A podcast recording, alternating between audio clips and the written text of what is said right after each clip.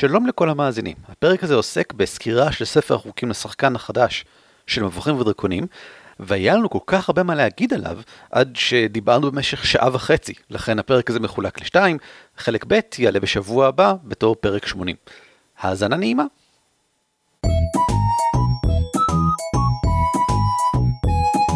על כתפי גמדים. פודקאסט ישראלי על משחקי תפקידים.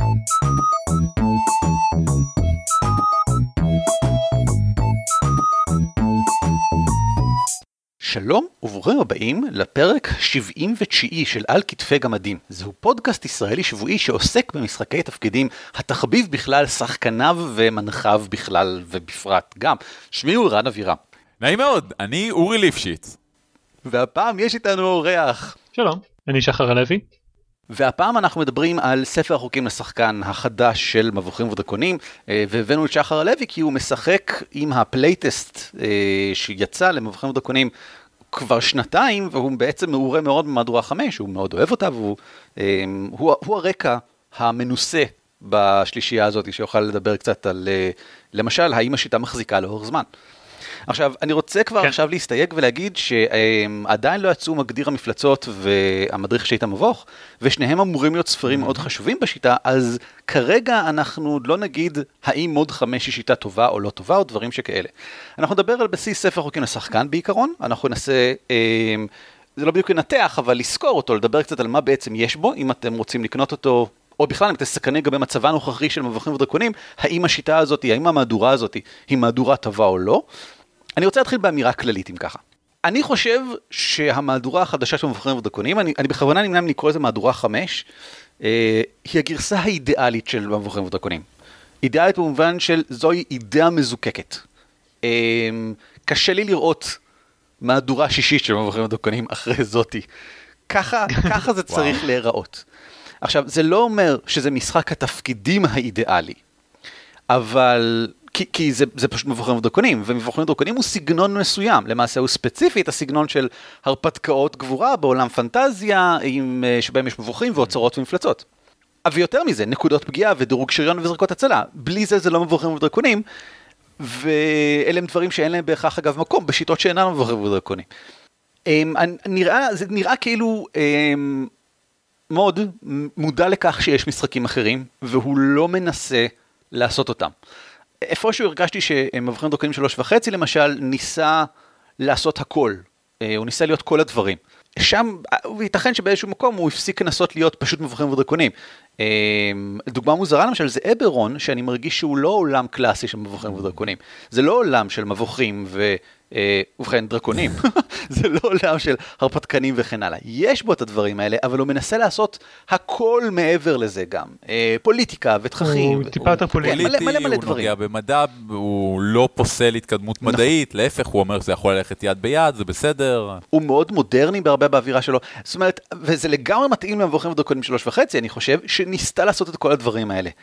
חמש... עם הרחבות כמו Heroes of Horror. למשל, הרחבות. כמו Heroes of Horror, זאת אומרת, תראו, אפשר לעשות איתנו גם grim and gritty, תראו, אפשר לעשות איתנו גם אימה, תראו, אפשר לעשות איתנו את כל הדברים האלה. זה לא, מו"ד חמש אומרת, תראו, אם אתם רוצים את זה, לכו תשחקו משחקים אחרים. אה, אם אתה רוצה משחק שבו אפשר למות מפגיעת חרב אחת, אה, או אתה רוצה שיטת קסם מבוססת נקודות, או לא יודע מה, הנה, לך, לך שחק משהו אחר כנראה. זה לא מה שרשום בה כמובן, אבל... לאו דווקא. כן, לאו דווקא, ואנחנו נגיע למדריך שהיית מבוך בהמשך, אל תדאג. אני כן, כן חושב שהיא מנסה, היא לא מנסה להרחיב את ההגדרה של מוד, היא מנסה לתת יותר אפשרויות בתוך מוד. זה מה שאני, זה מה שאני מרגיש לגביה. והדבר הבולט ביותר פה זה ההוספה של רקעים וארכטיפים. בשביל לדבר עליהם, ולמה הם לדעתי הדברים המשמעותיים ביותר של המהדורה הזאת, אה, אנחנו צריכים דבר ראשון להתחיל טיפה על, על לדבר על דמות, איך נראית דמות במוד 5. הדבר הבסיסי ביותר אני חושב של דמויות זה אה, שיש את התכונות שלהן. עכשיו זה תמיד היה נכון, לכל דמות יש שש תכונות והן קובעות את התוספים לכל הדברים אה, ואתה מגלגל קוף 20 ואתה מוסיף את התוסף ואם עברת מספר כלשהו הצלחת איזה יופי. המכניקה בהרבה מובנים לא השתנתה מאז ימי קדם. של, של מהדורה 3. המשחק פשוט, בדיוק. המשחק פשוט, כל מי שמכיר מבוכים ודרקונים באי אלו 30 השנים האחרונות מיד יכול להתחיל לשחק וזה ירגיש לו מוכר ולהפליא. מסכים. כן וזה גם אותן תכונות ונסות אותן דברים כמובן. אבל אבל ישנו הבדל, אני חושב, די גדול בכך שהתכונות הן ההתחלה והסוף, הן לא רק ההתחלה. זאת אומרת, לדוגמה, במבוכים ודרקונים שלוש וחצי, המיומנות... אה, התגנבות. תנו לי דוגמה למיומנות. איזה? התגנבות? אתה אוהב את התגנבות? אני חייתי על התגנבות תקופה ארוכה. אני אוהב את decipher script, פענוח כתבים. סבבה. זה לא היה בשלוש וחצי, היה בשלוש. בכל מקרה, אה, בוא ניקח את התגנבות. כדי להיות טוב בהתגנבות, היית לוקח אה, רמות במיומנות התגנבות, והיא בעצם, היא הייתה משהו שונה מהתכונה שלך. כן. נכון. היית בעצם מוסיף את זריזות ואת התגנבות, ומגלגל קוף 20, ומחבר את הכל ביחד. אבל כאן כבר אין את זה יותר. אם אתה טוב בהתגנבות, אתה פשוט טוב בהתגנבות. עכשיו, זה לא, אמ, אתה מודד אותו בנפרד, זה פשוט אומר שאתה מוסיף מספר כלשהו קבוע לגלגולי הזריזות שלך. זה, זה נשמע קצת כמו מוד 4, כי במוד 4 גם כן היה לך הכשרה או שלא היה לך הכשרה במיומנות, אבל אני חושב שזה אפילו הולך צעד אחד מעבר לזה. כולם יכולים לנסות הכל, כי כל מה שלא תנסה, הוא לא זריקת התגנבות או זריקת, אה, או בדיקת אה, מגיה או בדיקת, זה לא, זה לא בדיקה של מיומנות, זה בדיקת תכונה. עכשיו, אם אתה טוב במיומנות, אז תוכל להוסיף את המיומנות הזאת גם כן במידה וזה נוגע לנושא הזה. אבל אתה יכול להרגיש חופשי לנסות, זה אולי הקטע, אתה פשוט גלגל. אתה לא מוגבל על ידי אה, הדרישה למשל, אה, אתה לא יכול לגלגל את זה כי זה מגיה ואין לך רמות במגיה. או יש לך מעט רמות במגיה אז אל תנסה. לא, כי אומרים לך, זה פשוט בדיקת תבונה והיא משתמשת במגיה. אה, זה בדיקת תבונה, אני יודע לעשות בדיקת תבונה. אני רק צריך לגלגל ולהוסיף את התבונה שלי. זה הכי פשוט בעולם. כל אחד יכול לעשות את זה. אז תיכשל, מה אכפת לך? תיכשל. הנקודה היא... לא, אז מה שאני אומר זה שלאו דווקא תיכשל. דבר ראשון לאו דווקא תיכשל זה נכון, אבל מעבר לכך גם, הניסיון זה משהו יותר חשוב.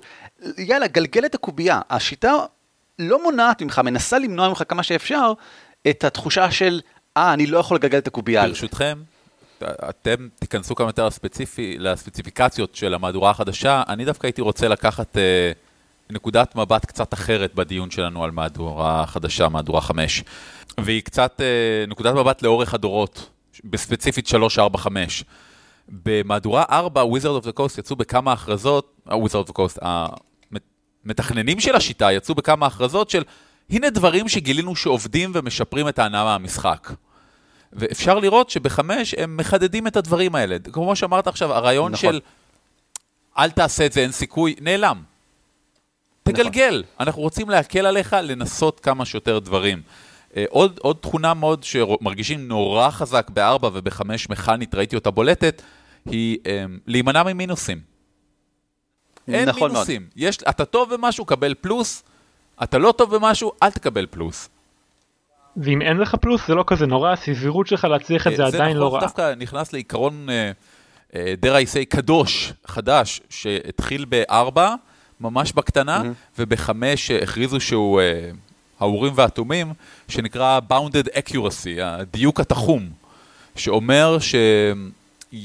אני מפשט את זה מאוד, שההתקדמות היא בעצם מאוד קטנה מבחינת הפרשי המספרים, ובונוס של פלוס אחד, גם לדרגה 1 וגם לדרגה 12 לצורך העניין, הוא עדיין בונוס משמעותי מאוד. הוא מורגש.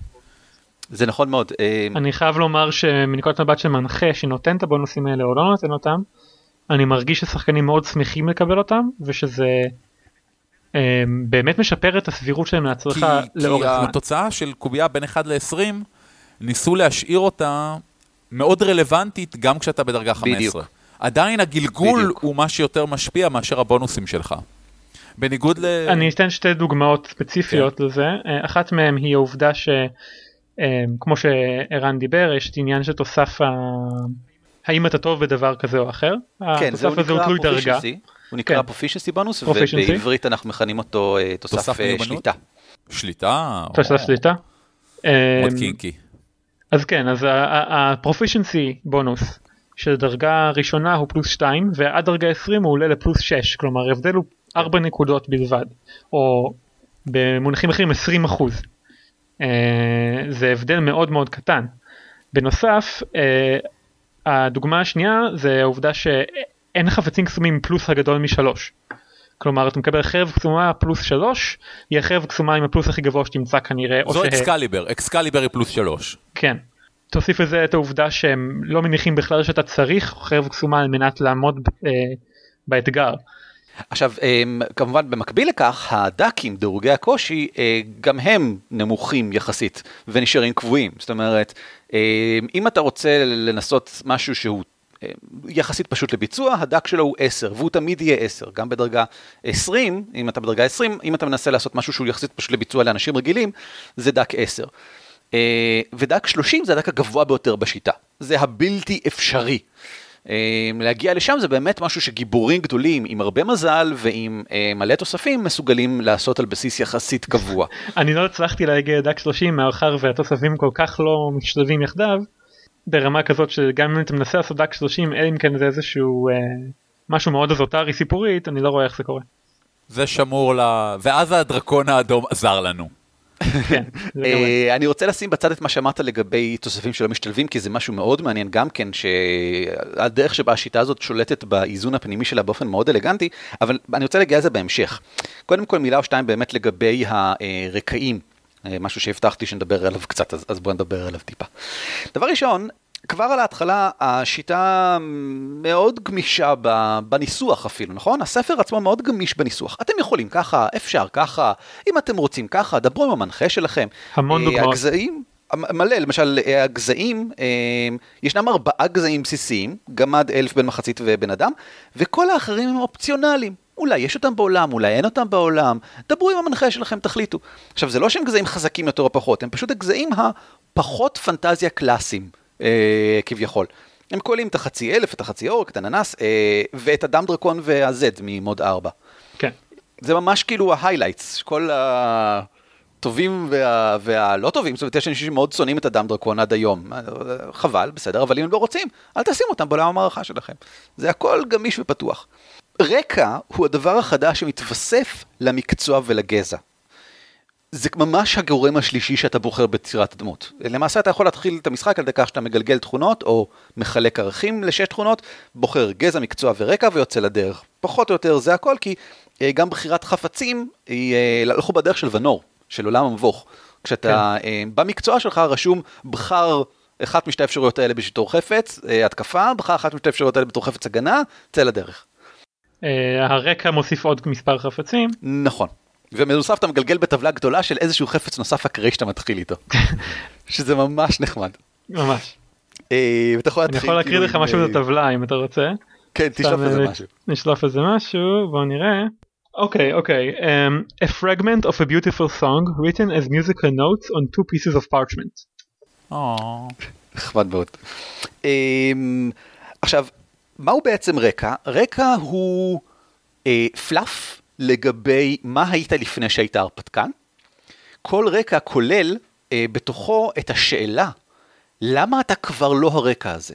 אז אני מאוד אהבתי את זה. פרק הרקעים מתחיל עם האמירה, תזכרו, כשאתה לוקח רקע, השאלה הכי חשובה היא, למה אתה כבר לא הרקע הזה? אה, מה השתנה? וכל רקע מוסיף בנוסף גם פרט מכני כלשהו, שהוא בא to complement, כדי, אתה יודע, לעגל את הדמות. מעבר לעובדה שהרקע מקנה מיומנויות כמובן. בדיוק, זהו, באמצעות המיומנויות הוא עושה את זה, הוא גם נותן יכולת מיוחדת כלשהי שהיא אה, נחמדה כזאת. תן דוגמה למשל לגבי הברברי המתגנב שלך, שתיארת לי מקודם. Um, בסדר, בוא ניקח ברברי ונעשה אותו רקע פושע.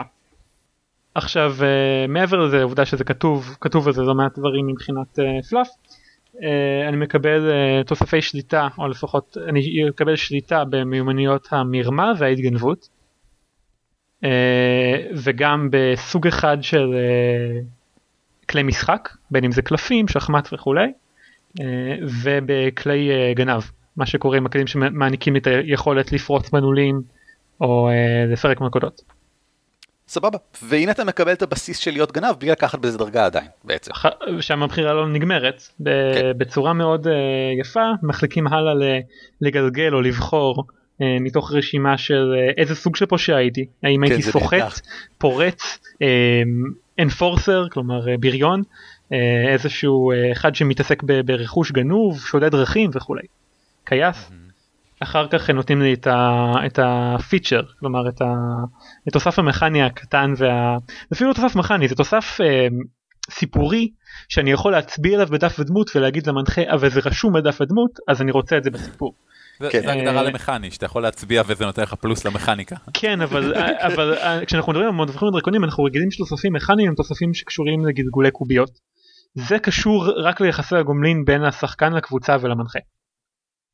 אה, בלבד ואין לזה שום חוקים אה, יבשים ש... שאומרים אה, לצורך העניין אני מקבל, מ... מקבל קשרים בעולם התחתון אז זה אומר שיש קשרים בעולם התחתון וזה פתוח לפירוש אישי שלי ושל המנחה ביחד.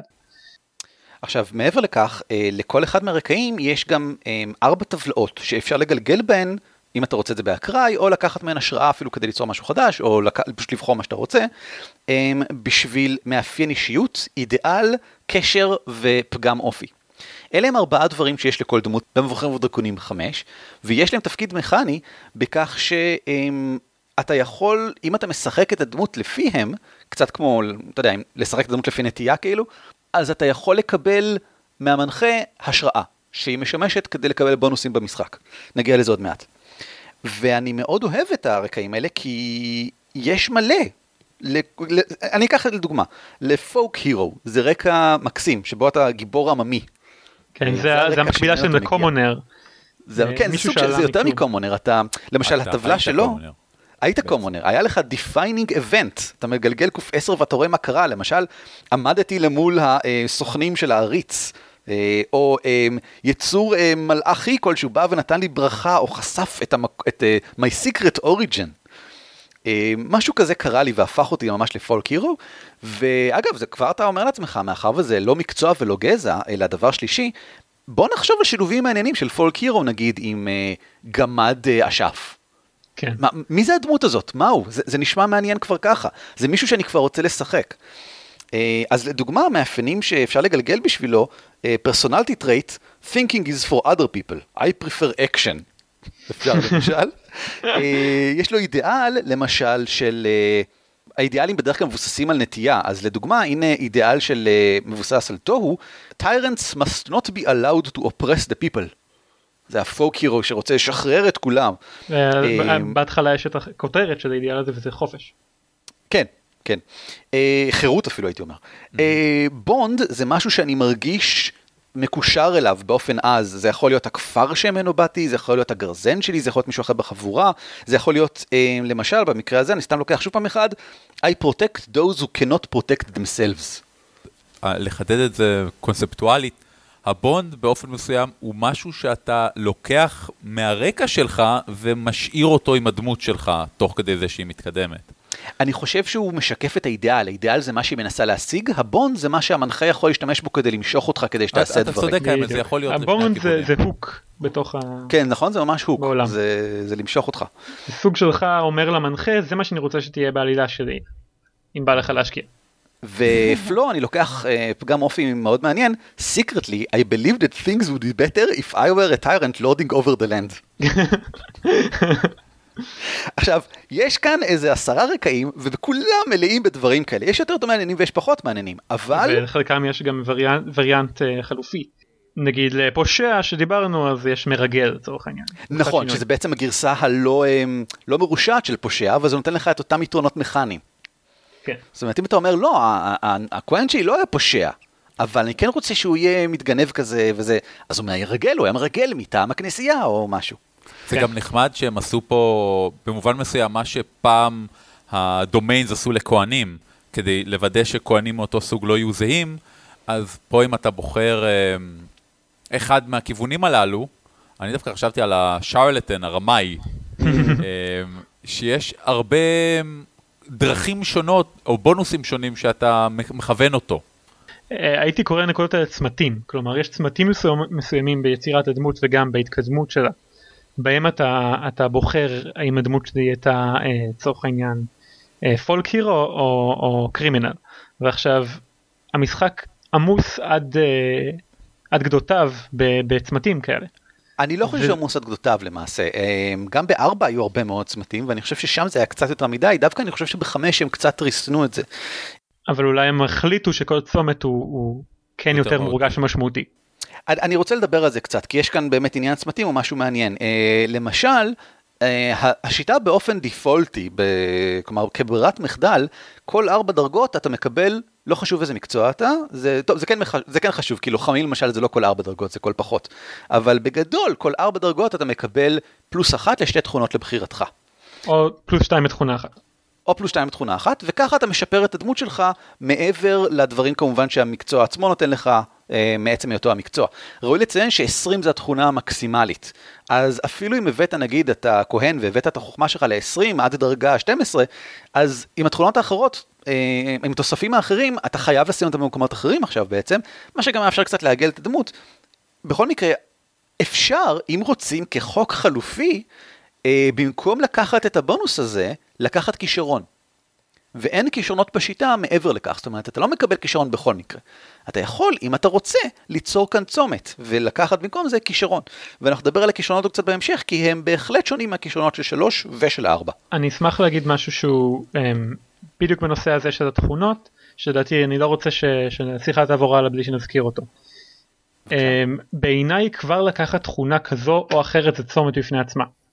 המשחק uh, מכוון אותך לחשוב על התכונות של הדמות בתור דבר שמגדיר אותה ואת הפעולות שלה ומאחר ויש לזה משמעות מכנית הבין לצורך העניין 13 חוכמה או 15 חוכמה ללוחם יש לזה משמעות מכנית במשחק שתעלה שוב ושוב סביב השולחן אז זה הופך את צומת משמעותית בפני עצמה. כלומר אם אני רוצה סייר כריזמטי ש, שנוהג לדבר uh, את דרכו מעבר לאתגרים וכך להתגבר על, ה, על האתגרים שהעולם uh, מראה לו אז אם אני אשקיע בכריזמה שלו אז זה הולך לעלות הרבה במשחק וזה הולך להיות משהו ש, שמורגש. Uh, ועל כן זה צומת בפני עצמה ש, שהיא גם מאוד גמישה בגלל שמאחר ותכונות יכולות לעשות הכל ולא רק את הדברים שכל דבר שעולה על דעתנו שהוא פחות או יותר קשור לכריזמה במקרה של אותו הסייר. כן, זאת אומרת, לה... אפילו אם יש לו כריזמה מספיק גבוהה, איפה שהוא לא צריך, הוא לא צריך את ה... על, על דיפלומטיה. כן, אבל uh, הוא יכול אם הוא רוצה כמובן עוד קצת. כן, כן, אם יש לו... אבל זה יהיה עוד כן, קצת, כן. בדיוק זה מה שאומר, זה יהיה רק עוד קצת. נכון. Uh, ומה שאומר שבמידה מסוימת, uh, לחזק את תכונות בסיס, uh, זה דבר uh, שמקנה המון המון גמישות לשחקן לשחק לפי רצונו באותו רגע. בניגוד לכישרון שזה פשוט איזשהו אה, איזושהי אה, מכניקה חדשה ש... שמוסיפה מורכבות לדמות והופכת אותה למשהו מיוחד אה, בעיני עצמו. נמשיך עם זה עוד מעט. אמ, אני רוצה לדבר קצת על הארכטיפים, כי זה, mm. אם כבר מדברים על צומת, זאת הצומת. פחות או יותר לכל מקצוע יש לפחות שני ארכטיפים. עכשיו, הארכטיפים האלה מאוד מזכירים את הארכטיפים של פאת'פיינדר, ואני בטוח שהם מבוססים עליהם בהשראה. זאת אומרת, זה דרכים שונות להסתכל על אותו מקצוע. זה חוקים עבור דרגות מסוימות שמחליפות אה, אפשרויות אחרות לאותה דרגה.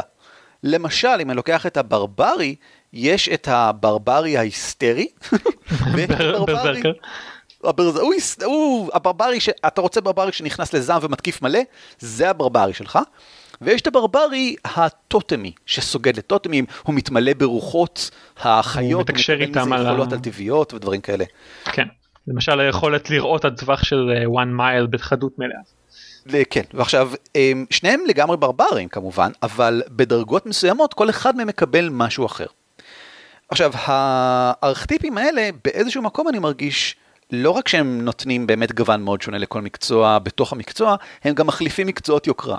אמ, שזה משהו שעד עכשיו אנחנו לא יודעים אם יהיה בשיטה או אין, אבל כרגע אין כל כך סיבה להניח שיהיה, כי מקצועות היוקרה של שלוש וחצי, אין בהם צורך בשיטה שמתנהגת הרבה יותר דומה למסלולי מופת של, נתיבי מופת של מהדורה 4, שזה אותו מקצוע כן. רק אחרת. במובן הזה אני, אמ, אני חושב שאולי יש אפילו מעט יותר מדי מקצועות. אני רוצה אה, להגיד משהו על ההגדרות אה, דמות שהוא אולי, אה, בעיניי לפחות, וואי, אני נורא פלצני היום, בעיניי לפחות הוא נורא אה, אה, מייצג כמה שינויים מחשבתיים ש, שהיו ב-D&D ב-Wizard of the Coast בעיצוב הזה, שאנחנו רואים אותם בכל הדברים האחרים שאמרתם, וזה דווקא הנושא של מין. הבולט השני או השלישי ב-Character Details, אחרי כן, השם, כן. זה המין. והמשפט הראשון שם קודם כל אומר אפשר לשחק זכר או נקבה וזה בסדר. המשפט השני, שכבר גרם לי להרים גבה, היה אה, תחשוב איך הדמות שלך כן או לא מתאימה לציפיות של החברה מהמין או מהמגדר או מההתנהגות המינית שלך. הם כן. נותנים שם דוגמה את, ה, את הדראו, אם אתה כהן דראו זכר ולא כהנת, זה כבר משהו מעניין ומוזר. נניח סיבה למה הדמות שלך עזבה את, אמ, את קהילת הדראו. ואחרי זה מגיעים uh, לפסקה שצוטטו אותה, אני חושב, בכל מקום, כשהדליפו בראשונה את ה-PDF של מהדורה 5. והיא תצוטט שוב ושוב. You don't need to be confined to the binary notions of sex and gender, אני אתרגם לעברית. אתה לא צריך להיות מוגבל לדיכוטומיה של מין ומגדר, האל האלפי, קורלון לרתיאן, לרוב רואים אותו כאנדרוגינוס או הרמפרודייט, ואלפים ביקום עשויים בדמותו. אתה יכול לשחק דמות נקבה שמציגה את עצמה כזכר, או זכר שהוא מרגיש שהוא לכוד בגוף של נקבה. או גמדה מזוקנת. ששונאת שחושבים שהיא גבר. גמד מזוקן, אני מניח. וזה כבר איזושהי פתיחות מחשבתית ורצון ללכת למקומות שבהם לא, לא ראינו דברים כאלה במהדורות קודמות. פספיינדר אה. אה, זה היה די נפוץ. אה, כלומר כן, הדמויות אבל... האיקוניות של פספיינדר עצמן הם חלקם לא עונים להגדרות הבינאריות של מגדר ומין. בהחלט, אבל אתה לא רואה בשום מקום את ה... את ההצהרה של חבר'ה, זה משחק תפקידים, ו- ואל תגבילו עצמכם לשחק גם רק תפקידים שברור לכם שצריך להיות. כמובן. זה, זה שבירת עוד גבול בעיניי, ש- שאני נורא אוהב את זה. ה- לעודד אנשים להתפרע עם הדמויות שלהם ולהבהיר להם לא, לא, לא להיות מקובעים, זה בעיניי אחד מהדברים הכי חשובים במשחק תפקידים. זה, זה גם יותר מזה, זה, זה, זה, זה מנחה שאומר, שמרגיש לא בנוח עם זה ו... או לפחות אה, אה, אומר אה, כן אבל אין את זה ב-D&D ואני בטוח שהיו הרבה מאוד אנשים. אה, כן. לא אבל בעולם פנטזיה אין אה, הומואים. כן, היו הרבה מאוד שחקנים ש, שרצו ושחקניות שהרגישו שאין למגדר שלהם או לזהות המין שלהם מקום בתוך המשחק שזה עוד מסגרת שאפשר באיזשהו מקום אה, אה, להרחיק אותם את, את העדפות שלהם ממנה אה, ועכשיו אפשר להצביע ספר החוקים ולהגיד כן אז אם אתה רוצה כך זה חוק בית כי החוקים עצמם אומרים שאני לא מוגבל. עכשיו באופן כללי זו הסתכלות אה, אם אני אחזור לחוקים עצמם באמת אה, זו הסתכלות של השיטה כולה. זאת אומרת באופן כללי מה שהשיטה אומרת זה תראו הנה הצעות אל תרגישו מוגבלים. איפשהו זה כמו ההפך, זה מרגיש כמו ההפך הגמור של שלוש וחצי ושל ארבע, ששתיהן, כל אחת בדרכה שלה, אמרה, הנה החוקים, ככה עושים את זה, וכל מה שאתם מנסים לעשות צריך להתאים למשהו שכבר אמרנו. זאת אומרת, אם אתה מנסה, אה, סתם לדוגמה, להכשיל מישהו אחר, ישנה דרך כלשהי שבה מכשילים מישהו אחר. ראה כאן. אם אתה מנסה לעשות זה ככה וככה, מגובה מסוים ועם uh, תחת תנאי חשיכה, להלן הנתונים שבעקבותם אתה יכול להסיק וכן הלאה וכן הלאה. ואם מה שאתה מנסה לעשות לא תואם לזה, מצא למה הוא כן תואם, עד כמה שרק אפשר, ותשתמש בזה. השיטה הזאת היא חוזרת לאחד הדברים המאפיינים ביותר של old school בכלל, ושל D&D ו-AD&D המוקדמות בפרט, וזה rulings, not rules. זאת אומרת, שיפוט של המנחה במקום, אה, הוא הדבר העיקרי שעליו אתה, בונס, עליו אתה מתבסס כדי להחליט מה לעשות ואיך עושים. היגיון בריא שמבוסס על הסכמה משותפת שאותה החוקים הם בעצם בונים בינינו. זאת אומרת, עצם העובדה שהחוקים אומרים למשל אה, מהו דק ממוצע, או תראו איך אה, כושף אה, מתנהג ואיזה מין דברים יש לו, נותן לנו בסיס, שאנחנו לא, זה לא באופן מודע, אבל זה בתכלס קורה מעצם העובדה שאנחנו משחקים, כולנו יודעים בגדול איך דברים מרגישים ואנחנו יכולים לפרש אותם תוך כדי. אני מרגיש שהדיון עבר מעבר למקצועות.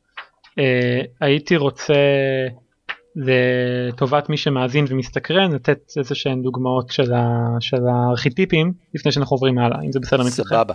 אז, אז כן אני רק רוצה להגיד משהו חשוב לגביהם. דרגות אחת ושתיים ברוב המקצועות, לא בכולם, אבל דרגות אחת ושתיים הן דרגות ההתחלה, הן ממש דרגות טוטוריאל. אתה מקבל בהן את היכולות הבסיסיות של המקצוע ועוד לא בוחר רכטיפ. זה ממש מרגיש כאילו בדרגות אחת ושתיים ואז שלוש, אתה מקבל כל אחת יכולת בסיסית, אתה לומד אותה קצת, אתה יודע איך להסתדר איתה, ואז בדרגה שלוש אתה עושה את הבחירה אה, לארכטיפ, שזה גם התחייבות עכשיו לכל המקצוע. עכשיו שאתה כבר יודע בגדול איך הוא מרגיש ומה עושים איתו. שזאת תפיסה שמגיעה דרך אגב מעולם משחקי המחשב והממורפגים אה, בין היתר. שממורפגים מודרניים בגדול לא נותנים לך מקצוע על ההתחלה, אלא נותנים לך להתחיל להתקדם במין ללא מקצוע כזה, ואחרי שאתה יודע מה אתה רוצה ומה אתה אוהב וממה אתה נהנה, רק אז אתה מתחייב למשהו מסוים. ואת היכולות הבסיסיות אתה לומד לאט לאט, אתה לא מקבל אותן בבת אחת. וזה באופן מוצהר על ידי מייק מרלס, האופן שבו אה, בנויים המקצועות, ולכן שחקנים מנוסים כבר, ראוי שיתחילו בדרגה שלוש, וזה מצוין בספר. זאת אומרת, אה, דלגו לדרגות הראשונות אם אתם יודעים כבר לשחק וכן הלאה, כי מטרתן היא ממש להיות טוטוריאל. Do you wish to skip the introduction? אני חייב כן, לומר בדיוק. משהו ש- שבקמפיין שעכשיו אני בסופו, אה, קמפיין דראו וכולי, אה, כן כן אה, בניתי לפי התבנית המאוד מעניינת שלהם לגזעים שדילגנו על זה אה, אז אה, בניתי לפי זה גזע שונה לכל בית אצילים בעיר דראו. אה, החוקים אחריו לגזעים אם אני עושה סטייה קלה מהנושא נותנת את היכולות הבסיסיות של הגזע ואז אתה בוחר תת גזע עוד צומת מסוימת לצורך העניין ההבדל בין, אה, בין אה, ננס יערות לננס מערות. אה, ראוי לציין שלא לכל הגזעים יש את זה. למשל באלפים אז יכול, יכול לקחת היי אלף, ווד אלף או דראו לצורך העניין. אה, אז אה, אני בניתי בסיס לדראו ועוד אה, אם אתה בבית כך או כך אה, אתה מקבל תוספים אחרים נוספים על התוסף הבסיסי של הגזע. זה מאוד נוח. עכשיו, סלחו לי רגע, כן דיברנו על המקצועות והארכיטיפים. אה, בסדר בואו נגיד נפתח ב- באופן אקראי בנזיר זה מה שפתחתי. Uh, הנזיר בדרגות הראשונות אוי, מקבל יש לו כמובן ארכיטיפים מגניבים, ממש מגניבים. ממש. הנזיר מקבל בדרגות הראשונות uh, את הדברים שמרגישים uh, בסיסיים ושחשוב שיהיה לכל נזיר. אגב זה מונע עצם העובדה שלא כל היכולות של, של מרוחות על הדרגה מצומצמות בדרגה אחת. זה מונע את, ה, את העובדה ש, שבעבר במהדורה 3 3 וחצי הרבה שחקנים מכירים את זה שהייתה נטייה לקחת אה, דרגה אחת מכל מיני מקצועות על מנת לקבל את היכולות החזקות שמקבלות בהתחלה. נכון, נכון. אה, dipping כזה, אה, טבילה לתוך מקצוע רק בשביל להשיג את היכולת הזו הזו. אה, בדרגה ראשונה הוא מקבל רק את היכולת אה, אה, אומנות לחימה שלו. אה, בדרגה שנייה הוא כבר מתחיל לקבל את נקודות הקי שזה ה... אה, נקודות האנרגיה המשאב המתכלה של הנזיר שמאפשר לו לחזק את המכות שלו להתחמק יותר טוב ממכות ומאוחר יותר אה, להפעיל את יכולות הארכיטיפ שלו אה, ותוסף למהירות ותוסף להגנה. אחר כך בדרגה שלישית רק אז הוא בוחר האם הוא רוצה להיות נזיר של way of the open hand שזה הנזיר הקלאסי של אה, מדיטציה אה, שימוש ב mind over body כדי לרפא את הגוף שלך מרעלים ומפציעות מכת אה, מכת כן כן טכניקת כף היד הרועדת שנותנת לך להרוג את היריב בשלושה צעדים מקיל ביל וכולי לבין עוד שני ארכיטיפים שזה דרך ארבעת האלמנטים שזה ממש ריפ אוף לאבטאר נפלא בעיניי. זה אומר שאתה יכול להשתמש ביכולות הקי שלך שאתה מקבל מארכיטיפ על מנת לקבל אה, אה, מהלך של אה, ניבי האש או אה, אגרוף ארבע הרעמים וכולי אה, שנותן לך להטיל אה, יכולות דמויות קסם או ממש קסמים מהרשימה של הספר. אה, לחשים בכוונה. בעצם אתה אומר, חבר'ה, זה, זה שאני מנק לא אומר שאני לא יכול להטיל כדורי אש. זה שאני מנק ובחרתי מנק שמכיר את כן, טכניקת אה, כדור האש אז זה נותן לי את היכולת לתת כדור האש. כן. כן, הקיצר, אתם רואים מישהו בא עם אה, גלימות ומברך אתכם לשלום בקידה, אל, אה, אל תפסו כדאי. לדעת, כדאי לדעת באיזה דרך הוא הולך קודם. כן כן כדאי לדעת באיזה דרך הוא הולך. או לבין ה... הדרך הזאת מובילה to kick your ass. אמ, כל הדרכים מובילות לקיקס. אמ, והארכיטיפ השלישי והמאוד מגניב זה דרך הצללים שזה פשוט לבנות נינג'ה. אה, כן. להשתמש בנכויות הקי, אה, הקי אה, על מנת אה, להיעלם בצללים על מנת אה, להופיע מתוך צללים אחרים זה סוג שמקפל בתוכו את הנינג'ה מרוב סרטוניות לח- הלחימה המוכרות אה, ואת ה shadow dancer את רקדן הצללים. נכון. שהמקצוע יוקרה מאוד אהוב ממהדורות אה, קודמות. וללוחם למשל יש את אה, ארכיטיפ של ה eldritch knight, הוא יכול להפוך ללוחם קוסם, ולנוכל יש את ה... אה, אמרנו, תעלולן אה, מגי, אה, שמאפשר לו לגנוב לחשים ודברים כאלה. זאת אומרת, דברים שפעם היו מקצועות יוקרה, הופכים עכשיו לארכיטיפים.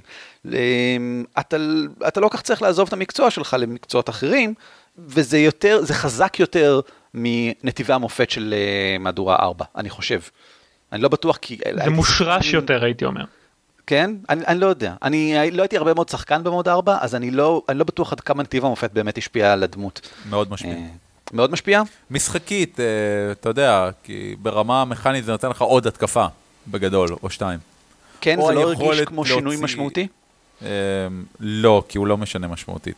האמת שבחירת הכוחות במוד 4, אני חושב, הייתה יותר משמעותית, אה, להבדיל בין שני נוכלים למשל. בזמן כן. שפה, אה, זה ללא ספק יהיה הארכטיפים שבהם תלוי איך. בייחוד בגלל שאין צורך פה על מנת להבדיל בין הנוכל היכולות שהנוכל מקבל הן מספיק גמישות ונתונות לפירוש. על כן. מנת שכל שחקן שרוצה לשחק משהו. פשוט ישחק את אותו הדבר. בדיוק. עכשיו, אה, האם יש עוד משהו שאנחנו רוצים להגיד בנושא הזה, או שאני רוצה להמשיך קצת הלאה? רק שזה יפה שבגלל שלכל אחד מהקלאסים יש את הווריאנט הזה, שנורא קל להוסיף עוד וריאנטים. השיטה כאילו בנויה על, אה, בסדר, אני פלאדין, אבל אני יכול להיות פלאדין של, של הגנה, פלאדין של נקמה, פ, פלאדין ש... וכן הלאה וכן הלאה. כן, וראוי לציין שאכן יש שלושה פלאדינים שונים. לכולם אה, יש שלוש, לא? או ש... אה, אני לא בטוח, אני חושב שלברברי יש רק שניים. זה ברברי לסורסורר. טוב, היה, היה שלישי, אבל הוא היה אנאלפבית, אז הוא לא הצליח לא- לא הפייטן יש לציין עכשיו הוא מאוד מאוד חזק. אוי, הפייטן ממש, אחד המקצועות הטובים.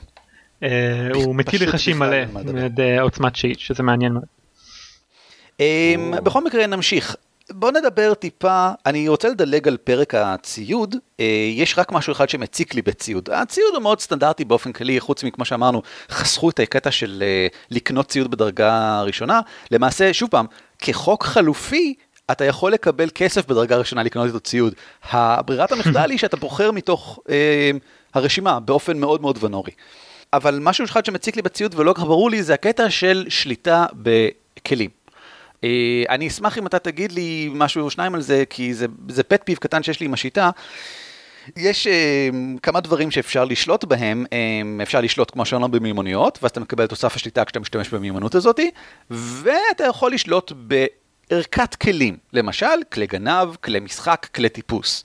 כן. עד כמה זה באמת, באמת רלוונטי? אם אני יכול לבחור, ויש כל מיני רקעים למשל שמאפשרים לבחור בין שליטה במיומנות לשליטה בכלי, האם אני לא תמיד אעדיף שליטה במיומנות? אה, לאו דווקא וזה מאוד מאוד אה, נתון להעדפה אישית שלך כשחקן בגלל שבעיקרון יש דברים שלא אפשריים ללא השליטה. אף אחד לא יכול לפרוץ מנעול בעזרת מקל של מטאטא.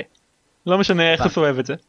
אז אתה אומר, אה, זה שליטה בכלים ספציפית. יש דברים שאם אין לי שליטה בכלי, אני לא יכול לעשות. לצורך העניין אה, אה, המשחק אומר שאם אתה שולט בכלי נפח לצורך אה, אה, בכלי נפח אז אתה יכול להשתמש בכלי נפח על מנת להכין ציוד אה, ואתה תרגיש חופשי לגלגל את, אה, את אה, בדיקת הזריזות נגיד אם אתה רוצה להכין דברים מאוד עדינים אה, או את בדיקת החוכמה אם אתה רוצה להכין משהו ש, שיעמוד בלחצים אה, בכיוונים מסוימים. ראוי אה, לציין שהחוקים באמת מופיעים, זאת אומרת, הספר, החוקים לשחקן כולל חוקים לדאונטיים או וואו זה פשוט אה, אה, דברים. כן. זה פשוט קטע נפלא בספר אבל אבל זה לא נוגע לעניין. כן, כן. אבל מי שלא יודע להשתמש בכלי נפח הוא לא יודע להיות נפח כלומר זה נראה לי לגיטימי הבנתי. להגיד בסדר ש- גמור, אז אז אני אז אני קונה את מה אבל אבל כמובן הדבר היחידי שזה נותן לך אה, אמ, או, אני אסייג את מה שאמרתי אה, בעיקרון המשחק מאפשר לך לנסות להשתמש בכלי נפח שאתה מוצא בלי להיות מיומן בהם אתה פשוט לא תוסיף את תוסף המומחיות שלך או את תוסף השליטה שלך שיש לך לכלי נפח. אה, זה לא באמת מרשים ככה, אז אפשר באותה מידה... בסדר, זה לא שאני לא יכול להשתמש בכלי נפח אם אין לי כלי נפח. שליטה כלומר. אה, כן אם אתה מוצא כלי נפח בשוק ואתה רוצה לקנות אותם אז אתה יכול- לעשות זאת. אה, נראה לי שהכלים היחידים שבאמת אתה- ממש דרושה שליטה בהם כדי להשתמש בהם ואולי אני טועה ואני מקווה שאני לא טועה זה כלי אה, פריצה. כלומר רק מי שיודע להשתמש בכלי פריצה יכול לפרוץ. בסדר גמור, אמ, אז כאמור אני רוצה אבל חוץ מזה לדלג על הפרק, אמ, רק כדי לתת שוב פעם הסבר, פרק 6, Customization Options, הוא הפרק שמציג את האפשרויות החלופיות, אם רוצים, ל multiclassing ול feats. כן. עכשיו, זאת אומרת, לריבוי מקצועות ולכישרונות. עכשיו, ריבוי מקצועות הוא טיפה מורכב, אה, אני חושב יותר מפעם, אה, אבל לא כל כך מצפים שתעשה אותו הרבה מאוד, להבנתי, אלא רק נכון. מקצוע או שניים ככה. כן. אה, באישור המנחה. וכישרונות, וכישרונות הם מאוד מעניינים. בגדול, אה, שלא כמו בשלוש וחצי, שם כישרון בדרך כלל היה תחילת הדרך של עץ כישרונות. ובגדול היית חייב להמשיך באותו עץ, כי אה, אתה רוצה להמשיך ולהשתפר באותו דבר, אתה גם חייב, כי בשלוש וחצי אם לא המשכת להשתפר אז ממש נשארת מאחור. Mm-hmm. ובארבע, ששם כישרונות היו אוסף של נסיבות מאוד פרטניות בדרך כלל. פלוס אחד התקפה כאשר גבך על הקיר. בדיוק, כן.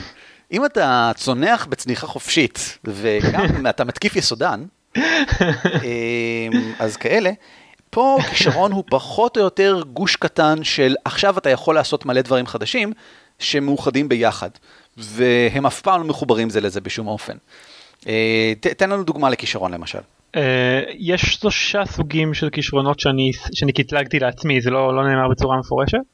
כישרונות שנותנים לך פלוס אחד לאיזושהי תכונה ויכולות מעניינות שקשורות לאותה תכונה. נוספות. חשוב להזכיר שכשאתה לוקח כישרון אתה לוקח אותו במקום פלוס לתכונה. כן. אה, ודוגמה שלי לזה זה keen mind, כלומר אה, אה, שכל חד או חשיבה חדה. זה נותן לך דבר ראשון תוסף אחד לתבונה, לאינטליג'נס. אתה תמיד יודע באיזה כיוון צפון, אתה תמיד יודע כמה שעות נשארו עד הזריחה או השקיעה הבאה. ואתה יכול באופן מדויק לגמרי לזכור כל דבר שראית או שמעת בחודש האחרון. וואו. Nice. עכשיו, זה, זה נשמע מאוד מקיף, אבל חכה, אני אתן לך את אקטור, אוקיי? זה, זה כישרון, ואני מזכיר, אלא אם כן יש דרישה כלשהי לכישרון, ורק למעטים יש דרישה, והדרישות הן בדרך כלל רק uh, תכונות מסוימות, כן? Uh, אקטור לא דורש שום דבר, כל אחד יכול לקחת אותו, והנה מה שהוא עושה, תראה. Uh, נותן כריזמה פלוס אחת, מוסיף אחד לערך הכריזמה שלך. יש לך יתרון בגלגולי כריזמה uh, הטעיה וכריזמה הופעה. כשאתה מנסה להיראות כמו אדם אחר. עכשיו, בגדול נסביר עוד מעט מה זה יתרון, כשנדבר על החוקים עצמם, אבל בגדול זה אומר שאתה כנראה תצליח. כן. אמ, ואתה יכול לחקות את סגנון דיבור של אדם אחר, או להישמע כמו יצורים אחרים. אמ, you must, אה, אה, אתה חייב היית לשמוע את בן אדם מדבר, או לשמוע את היצור עושה את הכל למשך לפחות דקה אחת. אם אתה מצליח, אה, סליחה, אם מישהו אחר מצליח בבדיקת חוכמה, תובנה, כנגד הכריזמה הטעיה שלך, הוא, הוא מזהה שההשפעה היא מחוקה, חיקיון, חיכית אותה. עכשיו, זה יכולות רבות עוצמה להפליא. כן. להפליא. אה, להצליח להראות, להיראות כמו מישהו אחר בגלגול אחד, וכמו שאמרנו, אם יש לך יתרון בגלגול אתה כנראה תצליח, ככישרון, וכל אחד יכול לקחת אותו. אה, וזאת בעיה שאני רואה כאן פוטנציאלית, בוא נראה אם אתה יכול לפתור לי אותה, שחר. בוא נגיד שלקחתי את הכישרון הזה, אני ברברי, דרגה 4, ולקחתי את הכישרון. כי אני רוצה להיות ברברי שמאוד טוב ב... אה, משבט האורבני, לצורך העניין. אוקיי, שבט האורבני, מעולה, נלחמים בהטעיה. מה אני לוקח בדרגה 8? זאת אומרת, לאיפה אני משתפר מעבר למופלאות שכבר יש לי כאן בדבר הספציפי הזה?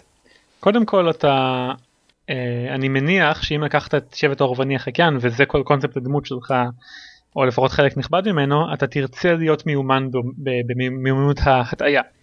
אז, כן, אבל אה, בוא נניח שאני כבר מיומן בו. אז אני אומר, קודם כל זה, זה משתפר עם הדרגה שלך, התוסף שלך יעלה בעוד פלוס 1 או 2 עד שתגיע לדרגה 8 אה, בהטעיה, בצורה טבעית. כן, אה, אבל איזה כישרון אני לוקח בדרגה 8? בוא נגיד שאני רוצה לקחת עוד כישרון ב-8, מה עוד, איזה עוד כישרון אני יכול לקחת שמשפר אותי מעבר לזה? להבנתי אתה מתקדם במקביל, לא בזה, אתה לא נהיה okay. אוקיי. מטעה עוד יותר טוב. יש לי רעיון בשבילך. Okay. אוקיי. יש כישרון שאם מישהו מכם יכול להפנות אותי לשם שלו, אה נזכרתי, uh, Magic Initiate, uh, כלומר חניך בקסם. זה כישרון שהוא סוג של מולטי קלאס קטן. Mm, נותן לך שני לחשונים. אוקיי. כן, נותן לך שני לחשונים, שלחשונים זה דבר מאוד מאוד מאוד מאוד משפיע, מאוד, מאוד כן. משפיע וכיפי ואני ולדעתי חזק לפעמים בצורה מודגשת במשחק. אה, שני נחשונים ועוד אה, קסם אחד מעוצמה ראשונה שאתה יכול להטיל פעם ביום אה, מהרשימה של פייטן, כהן, דרואיד, סורסורר, וורלוק ואשף. Okay. אוקיי. אתה בעצם יכול יותר מסתכל על כל הקסמים במשחק, בוחר לך קסם אחד שאתה יודע ושני נחשונים ואתה יודע אותם. אה, אז אם אני עכשיו השבט האורבני החקיין, אני מחליט שלאורבנים, על המאסטרים של, של השבט, אה, לזקנים החכמים, וכמובן הדמות שלי בדרגה 8 כי למה לא, יש את היכולת לצרוח כל כך חזק שזה יכול לשבור זכוכית וקריסטלים אה, באזור, אז ניקח את הקסם שאטר לצורך העניין. אוקיי, זאת אומרת בוא נפתח לצדדים כן, בעצם. בדיוק. אוקיי. כמו שאמרתי, אתה מתפתח במקביל ולא... סבבה, בסדר גמור. שזה טוב, זה, זה חלק מהעיקרון הזה של bounded accuracy. אתה לא יכול לקחת כן. משהו אחד ולהעלות אותו עוד ועוד ועוד, כי זה לא מעניין. אתה לא יכול להמשיך להשתפר בלחכות אחרים, כי זהו, אתה טוב בלחכות אחרים. עכשיו בוא נראה מה עוד אתה טוב בו. בדיוק. זה פשוט okay. אוקיי. פותח את, ה, את הראש, את התפיסה. בגדול יש אה, כל מיני כישרונות שהם יותר uh, פשוטים באופיים, למשל יש את הכישרון של savage uh, attacker שאומר שכל פעם שאתה מגלגל נזק בהתקפת כפ"פ אתה יכול לגלגל מחדש את קוביית הנזק פעם, ב- פעם בתור אני חושב, פעם בתור, כן, את כל בסדר, קוביות אבל, הנזק. כן, שזה למשל אם אתה פשוט רוצה להתקיף מלא.